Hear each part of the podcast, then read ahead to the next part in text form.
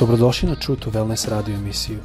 Da saznate više o nama, posjetite naš website truetowellness.com. A sad, vaš domaćin, dr. Todorović.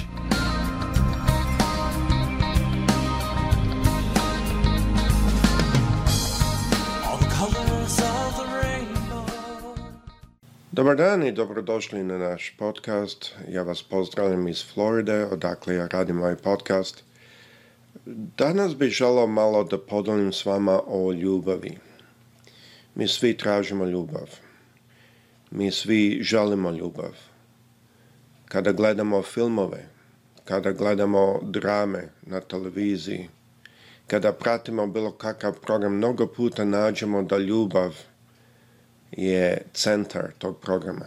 Čak i mnogi filmovi koji su orijentovani ka akciji, ali većinom puta ima tu um, aspekt ljubavi, e, možda dvoje koji jedan za drugog se bore ili bračni par ili što god. A mnogo puta je ljubav u tim pričama. Zašto? Ima nešto u nama što traži ljubav. Kad sam putovao po delovima sveta, bio sam preko četiri zemalja, da je možda tehnologija malo slabija i život je malo sporiji. Našao sam da ljudi uzmu više vremena jedan za drugog. Nalazim da u tim erima ljudi su više ponizni i više spremni da nauče, da poprave nešto ako vide da ne valja. A ovde na zapadu mi, kako rastemo ekonomično, tako verujem da gubimo nešto. Da smo nešto baš ono izgubili. Zašto to kažem? Ovde ljudi se prilično menjaju. Barem ovde u Floridi, a i malo i u Kanadi isto sad to počelo da je, niko ne želi da sluša. Mentalne bolesti su vrlo često sada. Ovde u Americi puno ubistva, malo te na svaki dan bude neki shooting negde, ono javno da idu u škole ili tako. I jako puno ljudi trče za novcem. I onda sam se razmišljao zašto. Da li reč Božja ima nešto zato da o tome govori? I dok sam čito, jedan stih mi je upao jako u srce. I kaže Isus u Mateji 24. glavi 12. stih I što će se bezakonje umnožiti, ohladnit će ljubav mnogih. Šta ovo znači? Ovo znači da nam Isus pokazao da ima jedan jako direktan matematički odnos između bezakonja i ljubavi. U drugoj verziji kaže kako greh se umnoži. Bezakonje znači ljudi koji ne prate zakon, ljudi koji ne žele da budu pod zakonom i ljudi koji žele da imaju slobodu koja je van zakona.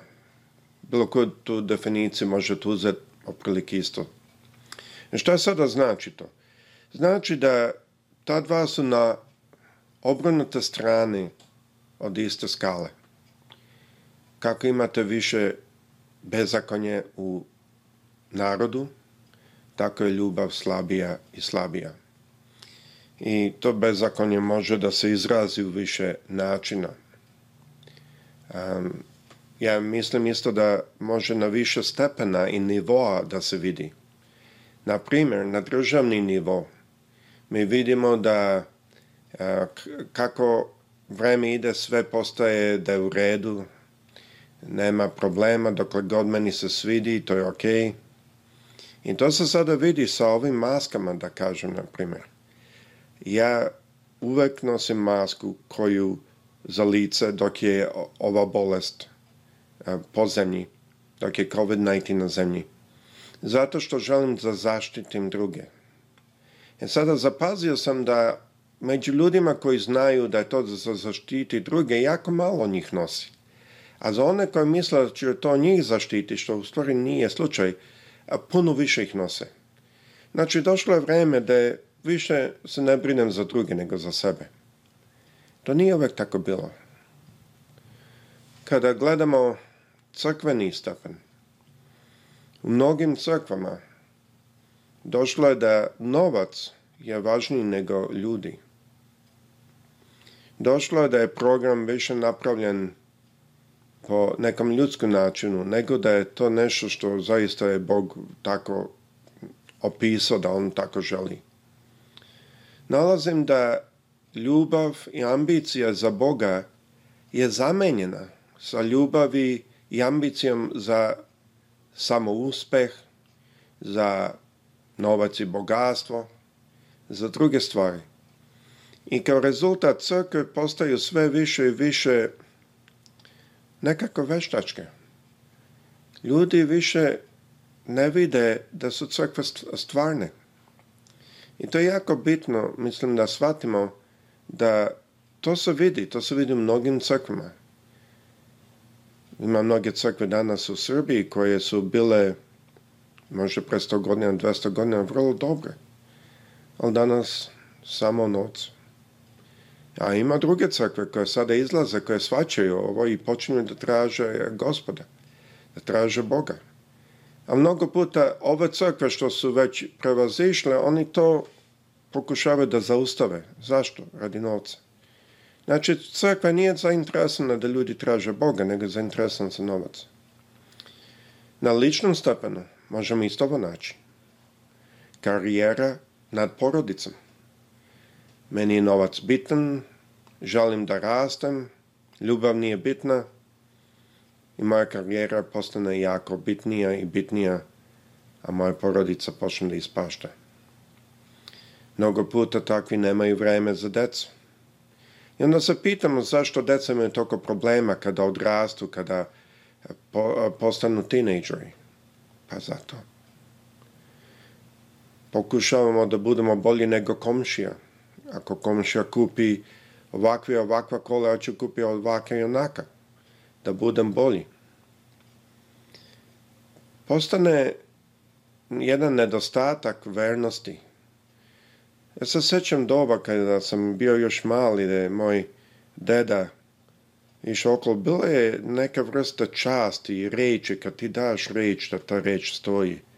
Neka vrsta vernosti, da ljudi znaju kad, zašto ti stojiš.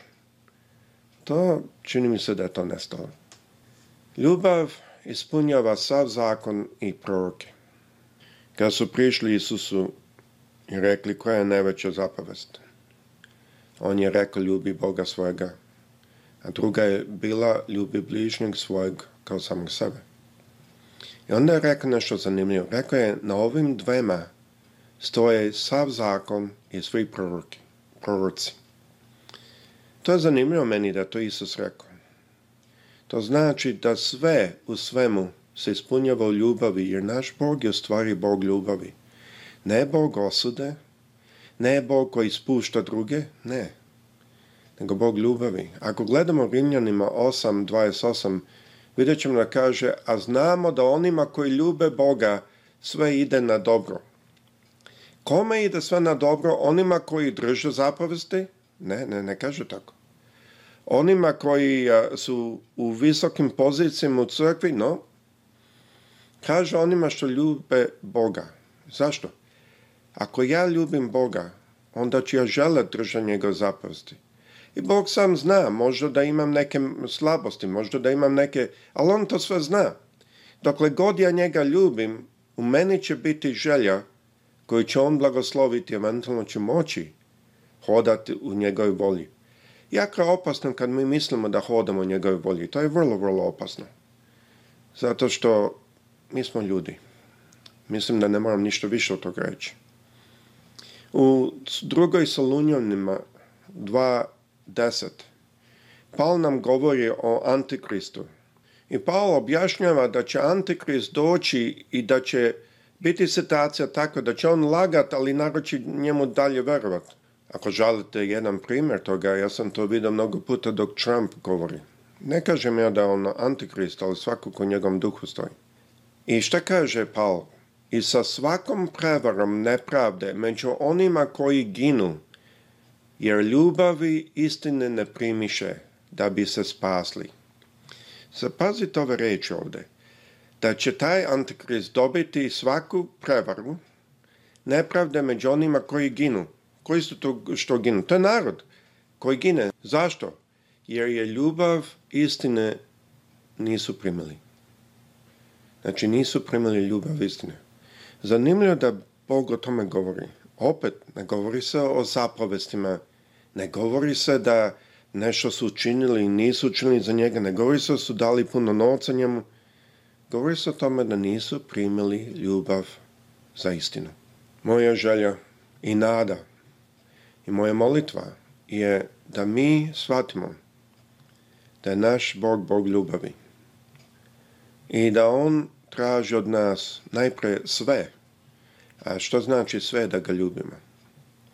I onda naš život će uzeti jedan lep krug, da kažemo tako, jedan, jedan, da ćemo početi ići u jednom pravcu života koji ima smisao. Jer nalazimo da bezakonje i ljubav ne mogu zajedno biti. Zato ako tražite ljubav, ako želite ljubav, shvatite da Bog je ljubav. Shvatite da mnoge priče i slike koje smo dobili iz religije o Bogu nisu isprane. On nije neko koji osuđuje, koji baca munje na one koji pogreši, inače mi onda niko ne bi bio ovde danas. Umesto, Bog je Bog ljubavi. On želi da mi shvatimo da dokle god mi stavimo te principe napred, sve drugo će našem životu ići bolje. Bog sa svima vama.